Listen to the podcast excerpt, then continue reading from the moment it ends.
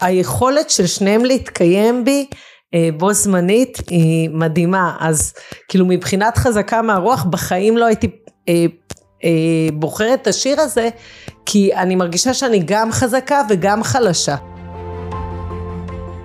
ב-1999 בניו זילנד הרחוקה קוראת בקפה מבוגרת וחכמה הסתכלה עליי וכך אמרה נועדת לעזור לבני אדם להיות שלמים להוביל אנשים קדימה ברגש ובעשייה אני שירן שלם, מאמן בני נוער, מנטור לחיילים ולבוגרים. מעביר תוכניות הכנה לצה"ל ואימונים בבתי הספר ב-22 השנים האחרונות. יש שיגידו שאני הלוחש לתלמידים. בעיניי, אני איש חינוך ואיש של דרך וערכים. בפרקים הבאים של הפודקאסט שלי אני רוצה לארח אנשים שמביאים ערך ייחודי, אנשים של דרך ושל תוכן, ויחד נוכל לתת עוד ערך למאזינים ולכל קהילת אנשי הדרך. בפרק הקרוב של אה, לגדל נסיכים, אני רוצה לראיין את אבישג. אבישג היא חברה טובה, ומעבר לזה היא בעיניי מודל להשראה. שלום אבישג. שלום, צהריים טובים. אם הייתי צריך להגדיר אותך בשלושה משפטים, איך היית מגדירה את עצמך? אמ, איך הייתי מגדירה את עצמי? אה, חולמת. ובהמשך לחולמת אה, זה לוקחת יד ביד אנשים אל החלומות שלהם אה, ומראה לי ולהם שאפשר להגשים כל דבר. הנה המבט בעיניים שלך אומר אני יכולה לעשות הכל. סביר להניח שאת המבט הזה את גם מעבירה לבנות שלך. נכון. רוצה לספר לי על זה? אה, כן. בגדול אני בן אדם, אה, אני תמיד אומרת, אני ספורטאית, אני שחיינית למי שלא יודע, אה, אני עושה מרתונים בשחייה ואני תמיד אה, אומרת שאין שום דבר שאי אפשר לעשות ואם יודעים לעבוד קשה אז אפשר לעשות הכל. ואני חושבת שהבנות שלי יודעות ורואות את הדוגמה לעבודה קשה ואני רואה אותן בהרבה מקומות אה, מפלסות את דרכן באותו האופן אה, אז אה, זה בגדול המערכת יחסים עם הבנות זה הדוגמה האישית אוקיי, שהיא מאוד אישית. מאוד חשובה כן. איך המשמעת העצמית? משמעת עצמית ברור. ברור למי? כי... לא לי זה ברור אבל אני רוצה להגיד לך שהן מאתגרות אותי עם זה כי אני בן אדם מאוד פנאט לגבי משמעת עצמית. אה, למרות שעם ההורות, אם אני חושבת על זה, דברים השתנו ואני יותר גמישה ממה שהייתי. כן, אבל אני בתור אחד שהתאמן וגילוי נאות התאמנתי אצלך, כן. אז uh, שנינו מאוד מאוד דומים בפנאטיות של המשמעת העצמית. נכון. וחלק מההורות מביאה אותנו לאיזשהו ריכוך. נכון. עם השנים ועם הגיל אנחנו מתרככים. נכון. אבל איפה את רואה שהמשמעת העצמית שלך עברה לבנות?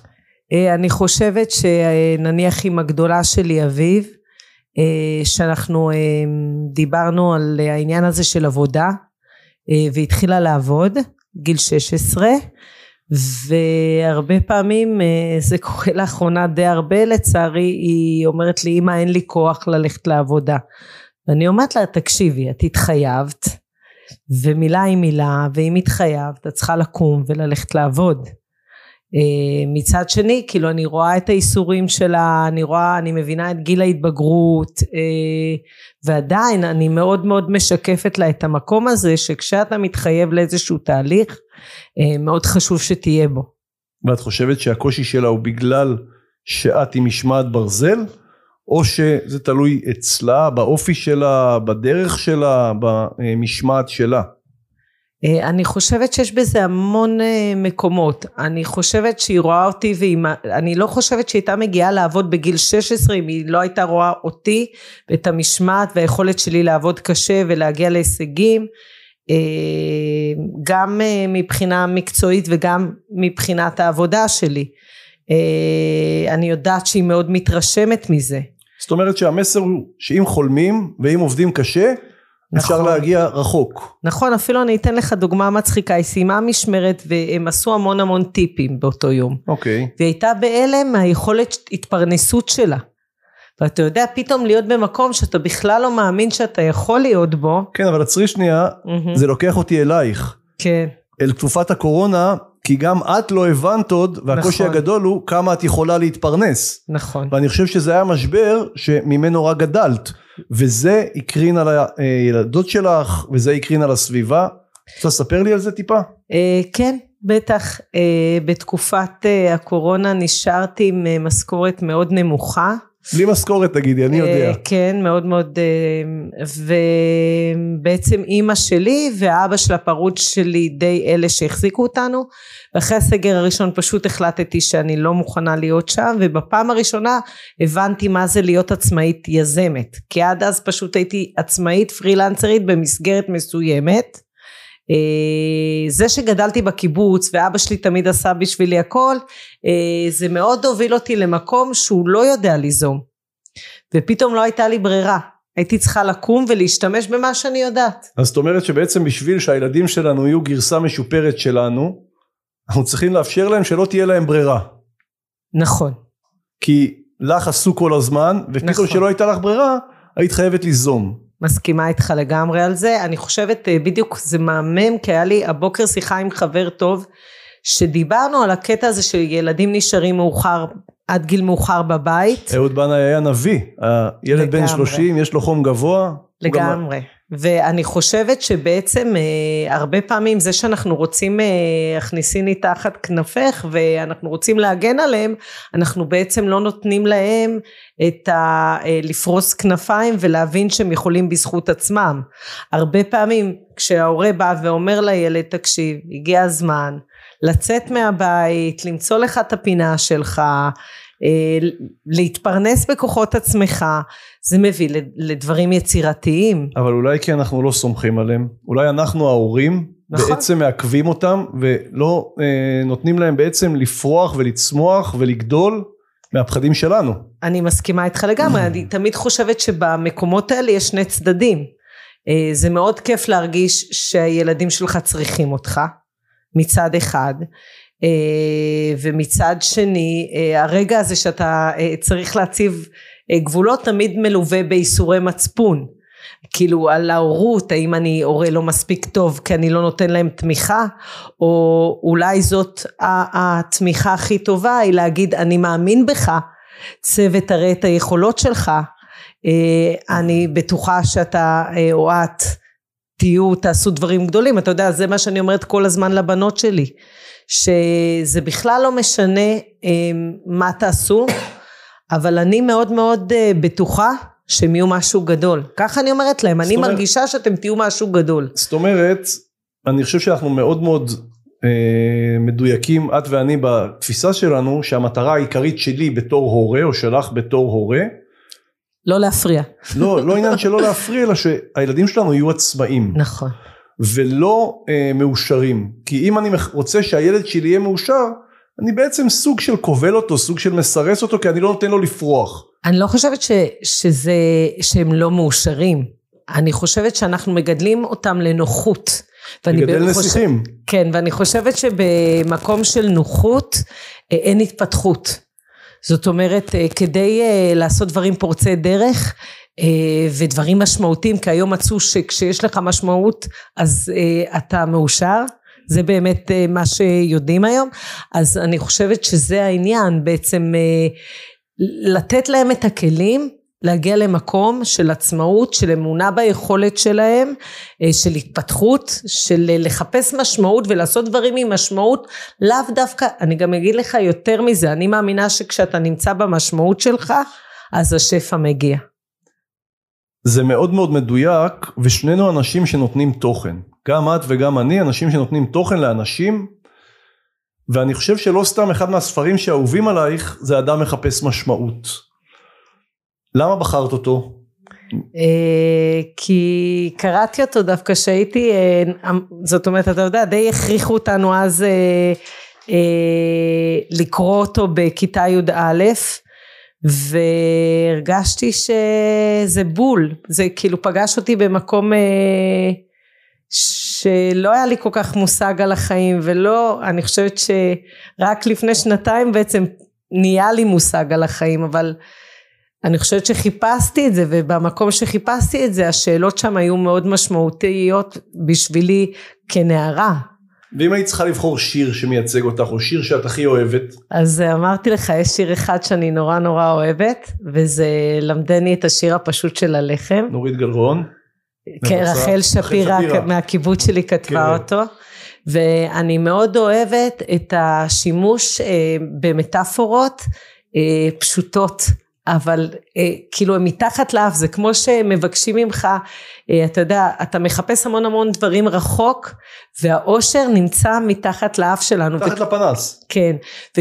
והמשפט כאילו, כחני עם אבק היומיום על השכם, זה כאילו הדבר הכי רומנטי בעולם בעיניי.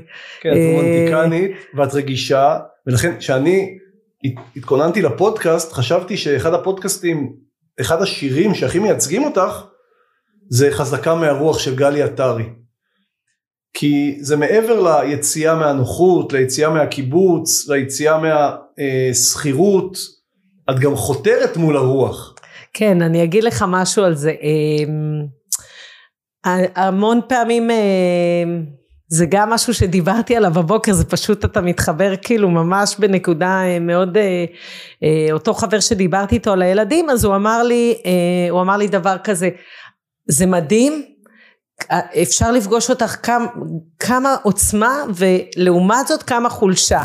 כאילו היכולת של שניהם להתקיים בי אה, בו זמנית היא מדהימה. אז כאילו מבחינת חזקה מהרוח בחיים לא הייתי אה, אה, בוחרת את השיר הזה כי אני מרגישה שאני גם חזקה וגם חלשה. אבל זה מותר לנו להיות, כששואלים אותי נכון. עליי, אני יכול להגיד שאני אה, גם לוחם וגם מאהב, גם רך וגם קשה. הרבה פעמים הקושי הזה אה, הוא בא אליי והילדים שלי לימדו אותי. אבל אני לא רוצה להיות חזקה מהרוח. לא, לא צריך להיות חזקה, אבל כן. הרבה מאוד פעמים זה איזשהו סוג של מטאפורה על זה שאת מתגברת על, גם כשהרוח חזקה את מתגברת, כי אם לא היה את הקורונה, אז היית אבל, נשארת אולי באותו מקום. אבל אתה יודע איך מתגברים, זה כמו בים. מבחינת התפיסה שלי, כמו שלא נלחמים בים, לא נלחמים ברוח. נכון. נותנים לה לקחת אותה, אה, אותך איתה, והקורונה לימדה אותנו דינמיות וגמישות. נכון. אז כאילו זה בתפיסה גם, שלי. גם אחריות ואני לא בטוח שלמדנו מזה כל כך הרבה. בתור... לא למדנו, כלום. לא, לא למדנו כלום. איך את רואה את הקורונה שהשפיעה על הבנות שלך? וואי, אה, ההשפעה היא אה, לא טובה. אה, אני מרגישה שקצת אבדה דרכן. אמ, אני יכולה להגיד לך שנניח עכשיו אה, שנה חדשה במערכת החינוך אה, התחושה היא שמערכת החינוך לא אה, השכילה להבין שאי אפשר להשלים שנתיים בשנה. והתחושה היא שיש מרדף והילדים לא שם במרדף. אני אמ, אני אני אומרת אני אני לא יודעת עדיין איך אני מתמודדת עם זה, זה נראה לי כמו שאני אצטרך לקחת ארסנל שלם של אה, מורים פרטיים. כן, השאלה היא, השאלה היא אבל אם ילד או ילדים, זה לא עניין של הילדים שלך או הילדים שלי, אפשרו לעצמם לוותר יותר בתקופת הקורונה, כי זה היה קל, וגם את וגם אני יודעים שלוותר זה הדבר הכי קל כי זה כבר נמצא. ולהיות, להיכנס לכל שיעור, גם אם הוא בזום, אולי פחות להבין ואני מסכים איתך לגמרי בנושא של ההשלמה של שנתיים בשנה ושהחומר בסוף הילדים לא תמיד זוכרים את החומר אבל אני חושב שאחד הדברים שאנחנו בתור הורים אה, צריכים לעשות עם הילדים זה איזשהו תהליך של אה, חישוב מסלול מחדש כי הילדים הכי קל זה לוותר והנוחות הזאת של הטלפונים הניידים ואת רואה את זה בטח עם הבנות שעות המסך שלהם אחד הדברים הגדולים שאתה היום יכול לראות זה כמה בעצם הילד נמצא במסך. ואם הוא נמצא במסך סביר להניח עוד פעם אני מדבר על מינונים אני לא אומר שזה רע. הנייד יש בו גם המון המון דברים טובים עובדה הפודקאסט הזה לא היה עולה לאור אם לא היינו שומעים את זה דרך הנייד. אבל אני חושב שבזה שאנחנו מוותרים להם ולא מציבים להם איזשהו גבול ילד בסופו של דבר צריך שני דברים גבול ואהבה. נכון. והמון פעמים אנחנו מפרשים את זה אחרת כי אנחנו חושבים איך הם יגיבו אם את מסתכלת על הבנות שלך, שלך, את חושבת שהיום יותר קל להן ללמוד כי את יושבת איתם ומדברת איתם ומנסה להבין את הצורך שלהם מאשר היה לנו? אני לא בטוחה בזה, אני חושבת שזה אולי מכניס אותם יותר לקונפליקט. למה? נכון. אמ, כי אני אגיד לך, אני בדיוק כמוהן מרגישה שאני מחפשת את הדרך כי התחושה שלי היא שצריך לנסח מחדש את כל העניין החינוכי. אה, זאת אומרת אה, אני מאמינה שלכל ילד לכל איש יש אזור גאונות אני חושבת שהמערכת חינוך צריכה להתפתח למקום הזה. זאת אומרת ללמד את הילדים ללמוד ללמד אותם לנהל מערכת שעות אה, אבל בתוך זה לאפשר להם יותר חופש להיות באזור גאונות שלהם. מה שאני שומע ממך זה אולי שאולי כל ילד צריך בבית ספר לעבור אולי תהליך אימון, תהליך של קואוצ'ינג. לגמרי.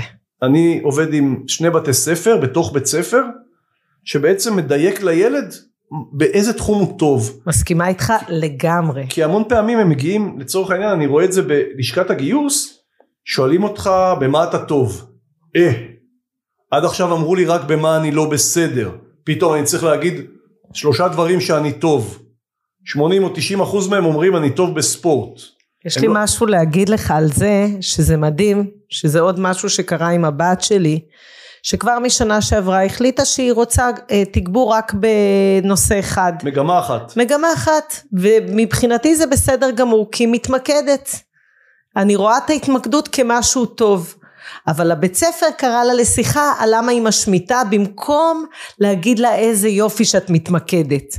אז, אז מה שאתה אומר מאוד מתחבר לי למה, לתהליך אימוני שלא רק התלמידים צריכים אלא כל המערכת, כל הסובבים אותם, כל הגישה חייבת להשתנות לטעמי. אז לשמחתי הרבה בבית ספר בחיפה, בחטיבת ביניים בחיפה, לא משנה השם, אני עובד עם 12 אה, מורים גם בשנת הלימודים הקרובה ואני באמת חושב שצריך לעשות איזושהי התאמה בין הילדים למערכת החינוך, אני גם הרבה מאוד פעמים חושב שהאתגר הגדול הוא שלנו בתור אנשי חינוך הוא למצוא את השביל הנכון גם מול ההורים. ואת רואה בעצמך אה, את ההתערבות של ההורים. אני גם חושב אם תסתכלי על הכיתות של הבנות שלך ואני מסתכל על הכיתה שהבת שלי הקטנה אה, סיימה ההורים בעיקר רוצים שקט עוד פעם הגענו לאותו מקום שדיברנו עליו אה, מה זה בעצם אה, אה, מה אומר הליווי שלנו כהורים. נכון. אה, האם רגע לקחת צעד אחורה ולגבות את המורים? אבל זה את מבינה שזה בדיוק העניין של בין, הוא ההבדל בין מעורבות להתערבות. נכון. ואחד הדברים ש, אה, שלמדתי עם הזמן שהמעורבות זה דבר מבורך. ההתערבות היא כמו שאני אגיד לך תאמני ככה או ככה או ככה. זה לא נכון. יש לך את הדרך שלך, אני יכול להתחבר אליה, אני התחברתי מאוד, אני יכול לא להתחבר. אבל אני מסתכלת על הבנות שלך. ואת מסתכלת על אנשי חינוך שסובבים אותם. אני בטוח שאם היית צריכה לתת להם עצה אחת, מה היית נותנת להם? לאנשי חינוך, לא לבנות. אני אגיד לך משהו, זה, מה שאני הייתי נותנת להם, זה מה שאני אה, אומרת לעצמי. אה, יש את המשפט חנוך אה, לנער על פי דרכו. דרכו והערך הגדול ביותר בעסק שלי זה לראות כל אחד. זאת אומרת אה, לא לראות אותם כממוצע אלא באמת להבין שכל אחד הוא משהו אחר וכל אחד צריך אה, אה, כלים אחרים. אני יודעת שזה נורא קשה במערכת הזאת ואני יודעת שיש המון תלמידים בכיתה אחת ועדיין אני חושבת שזה חייב אה, השינוי חייב לקרות ברמה הזו. ואם היית צריכה לתת שתי עצות להורים להורים היום של ילדים בגיל תיכון או בחטיבת הביניים למרות שהחינוך אני חושב כבר מתחיל עם הורים בגן בכל מקום. בכל מה מקום. איזה שתי עצות היית נותנת להם? לאנשי חינוך לא, או לא, לה... להורים. להורים.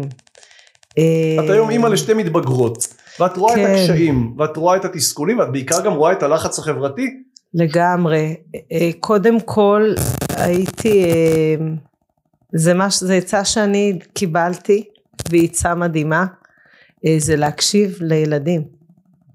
אני אומר שקודם כל אם אני מתעניין בילד שבא אליי או בילדה אני אומר להם מראש אני אוהב אתכם לא משנה מה תעשו. להקשיב, להקשיב לילדים להם. קודם כל להקשיב להם אה, ואחר כך אה, אני בן אדם שמנסה אה, לשאול שאלות זאת אומרת לא לבוא עם עובדות סגורות אני חוטאת בזה לפעמים בעובדות הסגורות ואז אני אומרת אוקיי את סגרת תפתחי, אולי תקבלי משהו שלא ציפית כשתשאלי שאלות ותהיי פתוחה לקבל.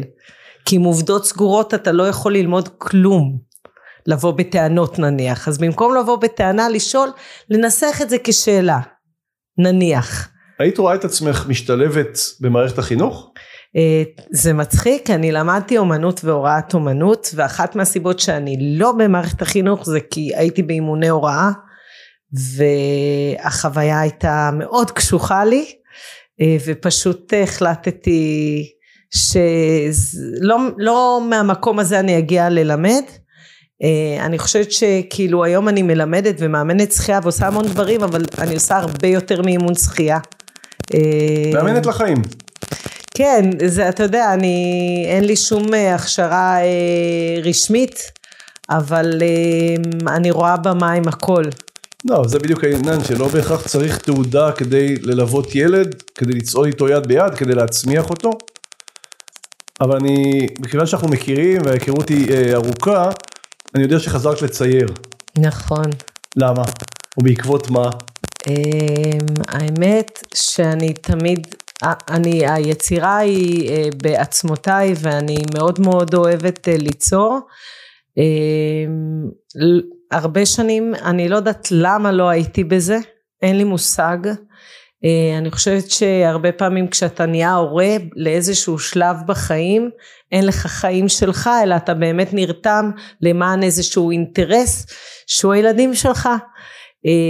וברגע שקצת מתאפשר לך לקחת צעד אחורה, אז אני עשיתי המון שחייה, כאילו כל הזמן אה, הפרוט שלי אפשר לי, ו- וכאילו זה לא שלא עשיתי כלום כשנהייתי אימא, אבל כאילו יש גבול לכמה אתה יכול לעשות בשביל עצמך. אמ, אני לא יודעת למה לא ציירתי, אני פשוט אין לי תשובה על זה. ועכשיו שאת מציירת, מה זה, מה זה עושה לך? מה זה מביא בך? זה השקט שלי. זה, זה ממש כמו לשחות. זהו, זה מדהים, כי גם במים וגם באומנות, שניהם שקט. נכון. ואם אני מסתכל על ההישגים שלך ואת מאוד מאוד uh, צנועה וענווה ו... אבל את אחת הנשים הבודדות בעולם שעשתה כזה קילומטראז' בכל המקומות בעולם. כן. ומה, אבל, ואחד הדברים שאני uh, מנסה ללמוד ממך ואני מבחינתי את השראה זה שרוב האנשים מפחדים משקט. אם שואלים את אנשים מה הדבר הכי מפחיד אתכם, בעיקר אחרי הקורונה רואים את זה המון גם אצל בני נוער, מפחיד אותם להיות לבד בשקט, ואם יש קבוצה בשקט, אז זה... הלחץ הוא כפול. זה נורא מצחיק, כי אני בן אדם שאין לו שקט. בדיוק בגלל זה אני שואל. בדרך כלל אין לי שקט, אז כאילו במים למשל זה המקום היחידי ש, שיש לי שקט. כי אני חושבת שלא אובחנתי, אבל אני גם בהפרעות קשב. ומשהו במים נותן לי אה, רגע את השקט שאני כל כך זקוקה לו והמבט פנימה ואותו הדבר, אה, תראה רוב העולם היום שאנחנו יוצאים אין לנו שקט. והמקומות האלה שמאפשרים לי רגע להיות עם עצמי אה, הם אה, מקומות מדהימים. זה כאילו פאוזה רגע אתה יודע לא לחשוב על כלום. כשאני צוחה אני לא חושבת על כלום אז במשך שעות רגע להתרוקן מהמשמעות, לא להיות רק בבין ובמינינג, אלא לא להיות בכלום. ואם את יכולה לתת עצה לצורך העניין לבני נוער היום לגבי ספורט, שירוקן אותם ממחשבות, כי בספורט בדרך כלל אתה נמצא, אתה לא חושב על המבחן או אתה לא חושב על החבר, חברה, חברים, אתה נמצא בספורט וכל אחד שיבחר לעצמו את הספורט שהוא רוצה, Uh, האמת שאני מאוד ממליצה על ספורט, אני חושבת שזה נותן איזה דיסציפלינה, איזה מסגרת, uh, זה מלמד המון המון לחיים, גם היכולת, על יכולת, כי הרבה פעמים בתחביב שאין לך ציפיות, גם כאילו זה לא הדבר הזה ההישגי של ציונים, uh, למרות שיש כאלה שעושים ספורט בשביל להגיע רחוק וזה גם אחלה, אבל זה, זה המקום החזק שממנו אפשר אה, פשוט לקחת דוגמה לכל הדברים בחיים. אבל את הגעת הכי רחוק, את זכית הקפת מנהטן זה 46 קילומטר, הגעת רחוק מאוד. כן. זאת אומרת, וזה בלי תחרות. נכון. אז כשאת מסתכלת על הדבר הזה, מה את לוקחת משם? אני אוהבת שזה בלי תחרות. אה, מוטיבציה פנימית, אה, למצוא את מה שעושה לי טוב במקום הזה. את רואה את המוטיבציה הפנימית הזאת גם אצל, אצל בני הנוער היום? לא אצל... מספיק, אבל זה גם אשמתנו. כאילו אני מרגישה שאני גם הייתי רוצה יותר אה, שהבנות שלי יבינו שקודם כל הן עושות את זה בשביל עצמן. אה, לא גם, צריכות לרצות אף אחד. נכון, ומעבר לזה גם אני כספורטאית, אחד, הדבר, אחד הדברים שהכי היה חסר זה שמישהו אה, יראה, יסובב את המראה אליי. זאת אומרת כל הזמן הייתי עסוקה בכמה אחרים טובים ובגלל זה נכשלתי. הייתי כישלון כילדה בתחרויות, אבל אם היה בא מישהו ואומר לי אבישג כמה קשה עבדת? איזה תוצאות עשית? ובעקבות כך הייתי מגיעה להבנה שאני אעוף על עצמי בתחרות כי עבדתי קשה בשביל זה, זה כל מה שהייתי צריכה שיעשו. נכון, אבל לכן אני, אני ממש ממש מסכים מה שאת אומרת, ולכן גם אני מאוד מאוד מדייק באימונים שלי עם בני נוער וחיילים, או טיפה יותר בוגרים, שאני דווקא לא רואה דבר כזה שנקרא כישלון. אני אוהבת את הגישה שלך דרך אגב. אין כישלון, כי כמו שאמרת עכשיו, אם מישהו היה בא ומראה לי, זאת אומרת, נכון. יש או למידה או הצלחה. אבל אף אחד לא לימד אותי באמת. נכון, ולכן אני בטוח שהיום את מעבירה את זה לבנות שלך. נכון. כי גם מהיכרות שלנו וגם ממה שסיפרת לי, אני יודע שאת יושבת ומדברת איתם, והשיחות הן שיחות עומק. נכון. והשיחות עומק האלה הן דבר שהלוואי וכל הורה היה יושב עם הילד שלו שעה בשבוע אני יודע שיש הורים שעושים את זה הרבה. שעה בשבוע זה המון ואני חושבת שזה לא, זה, זה, זה לא, ושזה לא משהו שהוא בלתי אפשרי, בדיוק. זה הכוונה. המחקרים האחרונים מראים שאנחנו יושבים עם הילדים שלנו סדר גודל של 16 דקות בשבוע. וואו. 16, וגם זה לפעמים מול הטלוויזיה שכל אחד עם המכשיר שלו. שלו, כן. ואני חושב שבסופו של דבר כל ילד צריך או כל מבוגר או כל בן אדם צריך מישהו שיאמין בו. מסכימה איתך. כאשר מי שיאמין בו הוא הרבה פעמים הבן אדם הקרוב. אני, אני רואה את זה עם הרבה מאוד מתאמנים. גם אני. ואני יכול, ואני, בדיוק, ואני יכול להבין שאת רואה את זה ולדעת שאת רואה את זה עם מתאמנים שלך במים.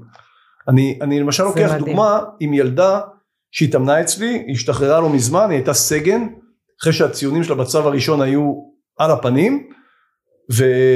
והגיעה מבית חינוכי והמון המון זה, אבל אני חושב שבאיזשהו מקום לא תמיד ראו אותה. לא ראו את היכולות שלה, ואז היא הגיעה לסביבה החדשה, וואו, איך זה יכול להיות שהיא פתאום פורחת. אתה יודע, זה מצחיק, כי אחת מהסיבות שאני בעיקר, אה, יש לי קצת ילדים שאני מאמנת, אבל אני בעיקר מאמנת מבוגרים. אה, הסיבה היא שאני רוצה שיישאר לי אה, כוח לבנות שלי. זה משהו שמאוד מאוד הנחה אותי. כש... עוד פעם, יש, הורי, יש לי מתאמנים ילדים אבל לא המון אה, כי כשהייתי ילדה אימא שלי עבדה בגיל הרך בקיבוץ וכשהייתה מגיעה הביתה לא היה לה כוח אלינו. אז מה שאת אומרת זה שאני צריך לעבור לאמן מבוגרים כי אז יהיה לי יותר כוח כי אני עובד רק עם בני נוער למרות שבני כוח בני... כן אבל הילדים שלך כבר גדולים. כן הילדה שלי הקטנה מתגייסת עוד חודשיים והבן הגדול שלי כבר שנה וקצת משוחרר. כשהם יגדלו אני אחזור לילדים. בסדר, ואז יהיה לך נכדים וכאלה. לא, נכדים אז אני מחליטה מה לעשות. זה נכון. את חושבת שאת מחליטה מה לעשות? ספרי לי על איזה חוויה משמעותית אה, שנחקקה לך במסחים הארוכים. משהו שהולך איתך. אה, אחת ה... אה, אני חושבת שמנהטן הקפת מנהטן היה סגירת אה, מעגל, גם אה, כששחיתי את מנהטן סיימתי אתגר של שלושה כתרים, אה, הישראלי והישראלית הראשונה לעשות את זה, וכמה ימים לפני שנסעתי אבא שלי היה על ערש דווי, והייתה התלבטות מאוד מאוד גדולה אם לנסוע או לא, ו...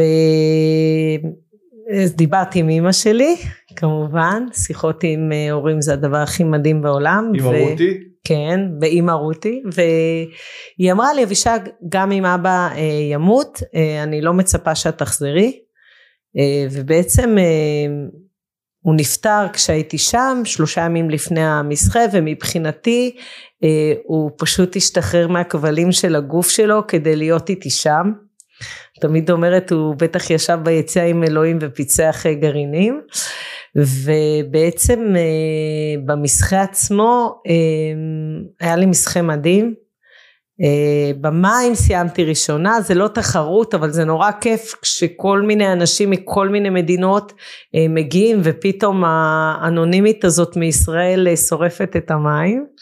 אז זה ככה כיף שאנחנו נוכחים ברמה הזאת וברמה האישית המוטיבציה הפנימית זה בעצם עד גיל 36 רוב מה שהתחלתי לא סיימתי ואתה אומר שזה למידה, אה, אני אוהבת להגיד, הייתי כישלון, אני פשוט אוהבת את הקונטרסט הזה. אני לא חושב שאת כישלון, אני מסתכל על קורות החיים לא, שלך, עד זה גיל, לא שלוש. עד גיל 36, כאילו, רוב מה שעשיתי לא סיימתי.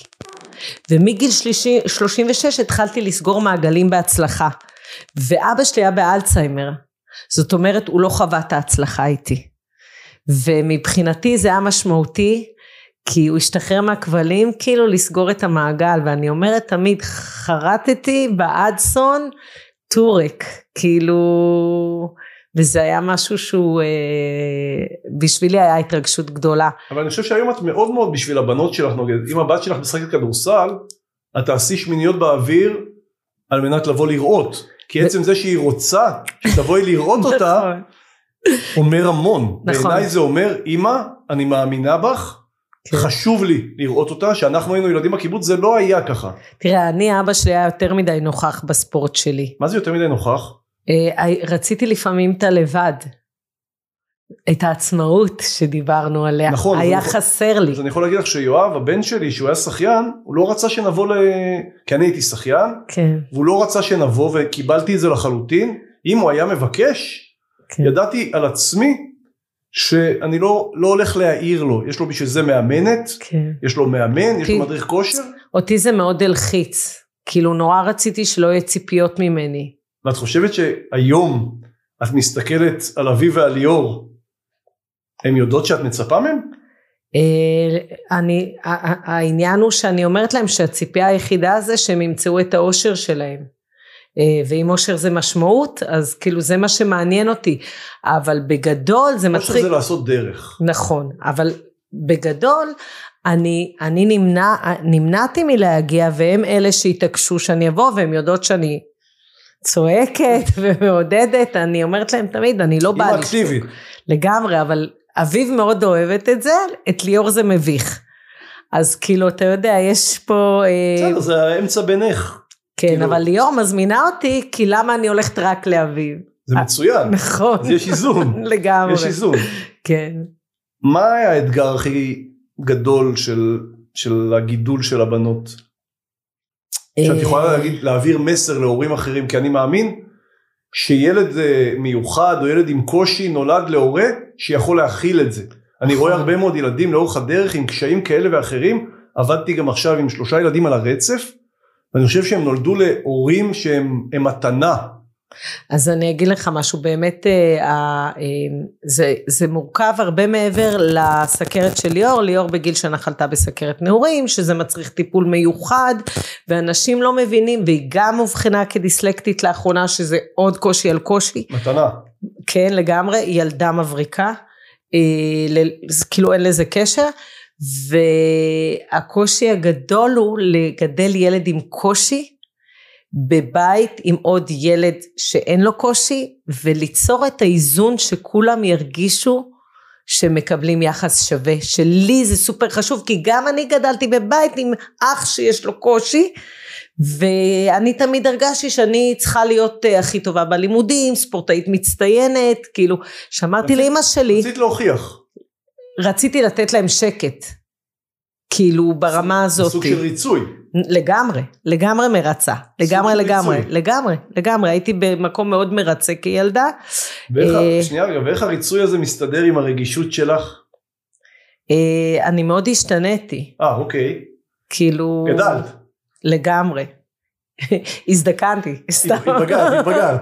התבגרת. אז כן, ברור, עשית דרך. נכון, ובגלל זה, בגלל החוויה שלי כילדה, אה, מאוד חשוב לי ליצור את האיזון בבית, שאביב אה, לא תקבל פחות יחס, כי אין לה משהו מיוחד, ואתה יודע מה מצחיק? שליאור עם כל היחס שהיא מקבלת, עדיין רוצה עוד יחס. נכון, אבל זה בדיוק כמו שאני מסתכל על בנות שמקבלות שאלון העדפות והן רוצות את מה שאין בחלק הגדול. נכון, אבל הרבה פעמים זה לעצור ולהגיד תסתכלי מה עשיתי איתך מה עשיתי עם אביב. אני רוצה עכשיו- להגיד לך משהו על שאלון העדפות. שאני הגעתי למשהו שלא היה כתוב לי. ואיך הגעתי? כי אני מזיזה ערים, גם כנראה עם כל זה שלא הייתי, אה, לא סיימתי דברים ב... לא סיימתי. פשוט הגעתי לרופא, וביקשתי ממנו שיכתוב שאני ספורטאית. לא ביקשת, דרשת. נכון, ושאני רוצה להגיע למדריכות ספורט, וככה הגעתי. כי, זאת אומרת, מה שאני שומע זה מה שאת אומרת עכשיו בעצם, לילד שרוצה להצליח, בין אם זה בספורט, בין אם זה בצבא, ובכלל להתפתח, פוקוס, פוקוס, לעמוד נכון. על שלו, נכון, להתמקד, נכון, למצוא את הדרך, להבין שהטיפוס למעלה הוא קשה. מאתגר, מאתגר, כן. מעולה, לא אמרתי בעייתי, אמרתי לא, אה, קשה ומאתגר. מאתגר, מאתגר, לא רוצה מאתגר. קשה. לא, קשה זה בסדר, אם, אם קשה לך סימן שאתה בעלייה. כן, ו, והמון פעמים אנחנו... למרות מבטאים- שלי קשה בירידה, אני זה בסדר, מפחדת. דופקות לך ברכיים. אבל- לא, אני מפחדת. אה, אוקיי. לפחות יש משהו שאת מפחדת ממנו. כן. כי לשחות עם כרישים בזה, זה לא. לא מפחיד.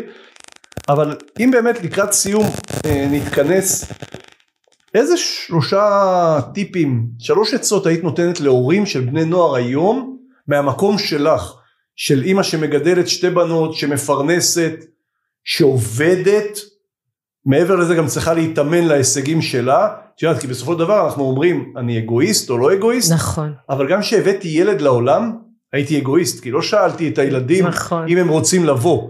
אז להגיד אני רוצה את זה בשבילי, אני חושב שגם הילדים שלנו יהיו יותר מאושרים, שהם יראו אותנו מאושרים. מממש- מממשים נכון, את עצמנו. נכון, נכון, נכון. אז איזה שלוש עצות היית נותנת להורים היום לפני סיום? אז אני חושבת שזה באמת לדבר עם הילדים יותר, אה, לעזור להם אה, להבין במה הם טובים,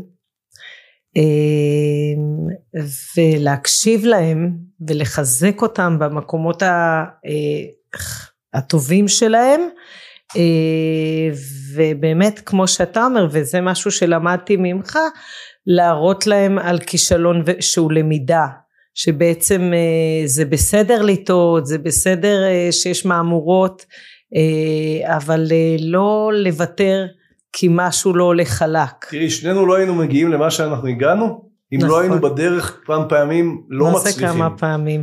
נכון, לא, אומרת, מצליח, לא כאילו, מצליחים. ואחד כן. הדברים שרואים היום מאוד מאוד אה, בולט אצל בני נוער, שזה כמה שזה נשמע מוזר, בני נוער מפחדים להצליח. מפחדים להצליח כי ההצלחה מחייבת. אם אני הכי טובה במקום מסוים, לצורך העניין ליאור תהיה הכי טובה בכדורסל, פוליטיקה היא תהיה. היא תהיה מצוין, שתהיה בפוליטיקה ותקדם שוויון בין גברים לנשים, נכון. בכלל שוויון הזדמנויות, ברור לי לגמרי שאני אצביע לליאור, אה, אבל, אבל מעבר לזה, בני הנוער היום מפחדים להצליח, גם, גם המבוגרים, בהרבה מאוד מקומות, כי אם אבל אתה, זה... כי זה אם אתה הכי טוב, מהמם. זה מחייב אותך. אבל פחד. מהצלחה זה בדיוק כמו פחד מכישלון. א', אין כישלון, דיברנו על זה. אבל ב- זה... הפחד מההצלחה הוא הרבה יותר אה, קשה בעיניי, כי לשמור על ההצלחה הוא הדבר הכי קשה, זה אומר לעבוד במה שאתה עושה, נכון. ולהיות הכי טוב בכל יום. אני נכון. כל יום מנסה להיות הגרסה הכי טובה שלי, נכון. על מנת שגם הילדים שלי וגם המתאמנים שלי נכון. יראו את המודל להצלחה. נכון, נכון, לגמרי. אני רוצה להגיד לך תודה רבה שבאת, וואי, איזה מרתק היה. היה משמח, אה, אני מעריך שאנחנו ניפגש עוד פעם, כי יש לנו עוד דברים לדבר עליהם. עשינו איזשהו רעיון מקדים, אבל יש לי כל כך הרבה נושאים, ואת אישה שמעבר לזה שאת השראה בעיניי ומודל, אני חושב שאת צריכה לקחת את מה שאת עושה, ולהגיע למקומות ולבתי ספר ולדבר על שוויון מגדרי, אבל בקטע ההישגי. זאת אומרת, כן. אם החלטת שאתה רוצה, כמו שאני אומר לבנות, אתמול היה לי הרצאה עם הרבה מאוד תלמידים, כמה מאות תלמידים, כמה הרצאות, אמרתי שכל מי שפה יכול להיות הכי טוב שיש, זה רק עניין של בחירה. נכון. ואני חושב שזה מה שאת משדרת לבנות שלך, ואני חושב שזה דבר מופלא. אז תודה רבה. בשמחה, מאוד נהניתי.